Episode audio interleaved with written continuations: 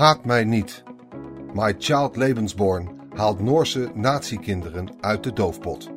Geschreven door Daniel Verlaan voor Laatscherm.nl. Ingesproken door Arjan Lindeboom. Blond haar in een nette scheiding, felblauwe ogen die recht in de jouwe kijken. Met dit schattige jongetje is niets mis. Met de reden waarom hij is geboren wel. De game My Child Lebensborn ontleent zijn naam aan het Lebensborn-programma van SS-leider Heinrich Himmler. Het programma had als doel om het geboortecijfer van, tussen aanhalingstekens, raszuivere kinderen te verhogen, om zo miljoenen, tussen aanhalingstekens, onzuivere mensen te kunnen vervangen. Voor de nazi's was het belangrijk dat deze kinderen een Arisch uiterlijk, blond haar en blauwe ogen hadden. In Noorwegen zie je veel vrouwen met deze uiterlijke kenmerken en daarom startte Himmler in 1941 een groot Lebensborn-programma in het land. Veel Noorse vrouwen melden zich in de jaren daarna aan.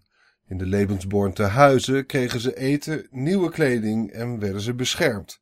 In deze tehuizen zijn zo duizenden door Duitse soldaten verwekte kinderen geboren, die daar samen met hun Noorse moeder opgroeiden. De Noorse Elin Vestøy werkte de afgelopen jaren aan een documentaire over de kinderen die voort zijn gekomen uit het Lebensborn-programma. Ze was verbaasd dat er zo weinig bekend was over deze kinderen, die nu in de zeventig zijn, en vond dat een documentaire niet het hele verhaal kon vertellen. Een game kan je echt in het onderwerp zuigen, maar ja, hoe maak je een game? Ze ontmoette Catharina Beuler, die aan een game werkte waarin je een kind moest verzorgen. Ze besloten samen te werken aan een game over de Lebensborn kinderen en ontvingen een kunstsubsidie om een deel van het project te bekostigen. Dat is nu twee jaar geleden en de game is bijna klaar voor de release.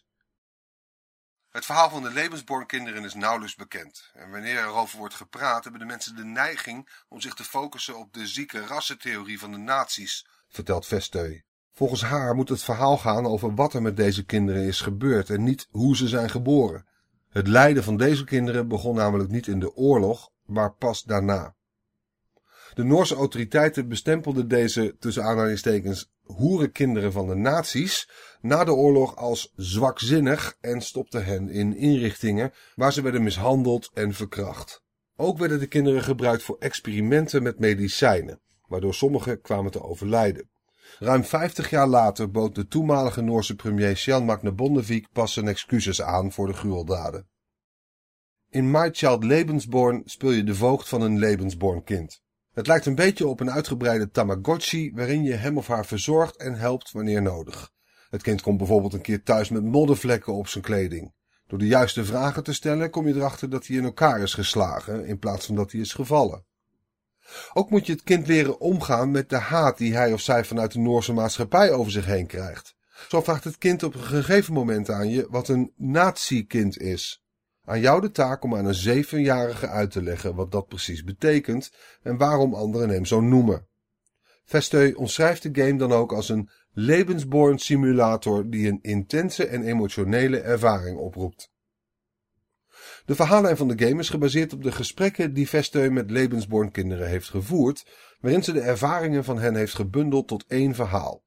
Door een iets wat kinderlijke designstijl, de graphics lijken volgens Vesteu een beetje op die van Winnie de Pooh, te combineren met het heftige verhaal, probeert ze de game voor een breed publiek toegankelijk te maken. En met games die de Tweede Wereldoorlog doorgaans afschilderen als een afgebakende strijd tussen de geallieerden en nazi's, is My Child Lebensborn een opvallende uitzondering. Het spel van Vesteu laat juist zien hoe de nasleep van de oorlog nog dagelijks te merken is in Noorwegen. Want er is volgens Vesteu meer bewustzijn nodig. Zelfs nu nog worden de kinderen en kleinkinderen van de Lebensborn geborenen niet geaccepteerd. De haat voor de nazi's heeft ons blind gemaakt, waardoor we deze mensen zien als vijanden, vertelt ze. Daarom wil ze hen laten ervaren hoe het is om een Lebensborn kind te zijn, in plaats van het enkel te vertellen. Maar My Child Lebensborn vertelt volgens Vesteu een veel breder verhaal. Hoe onschuldige kinderen plotseling oorlogsslachtoffers kunnen worden. Dat gebeurt in alle oorlogen, tot op de dag van vandaag. De game laat dan ook zien dat we hen niet moeten haten om hoe ze tot leven zijn gekomen, maar dat we hen lief moeten hebben om wie ze zijn. Dankjewel voor het luisteren naar Laatscherm voorgelezen. Als je waardeert wat we hier doen, dan zouden we het leuk vinden als je even een sterrenrating en een recensie achterlaat op Apple Podcasts of de podcastservice van jouw keuze. Abonneer je ook op onze andere podcast, Praatscherm. En ga voor deze en meer verhalen, geschreven of gesproken, naar laatscherm.nl.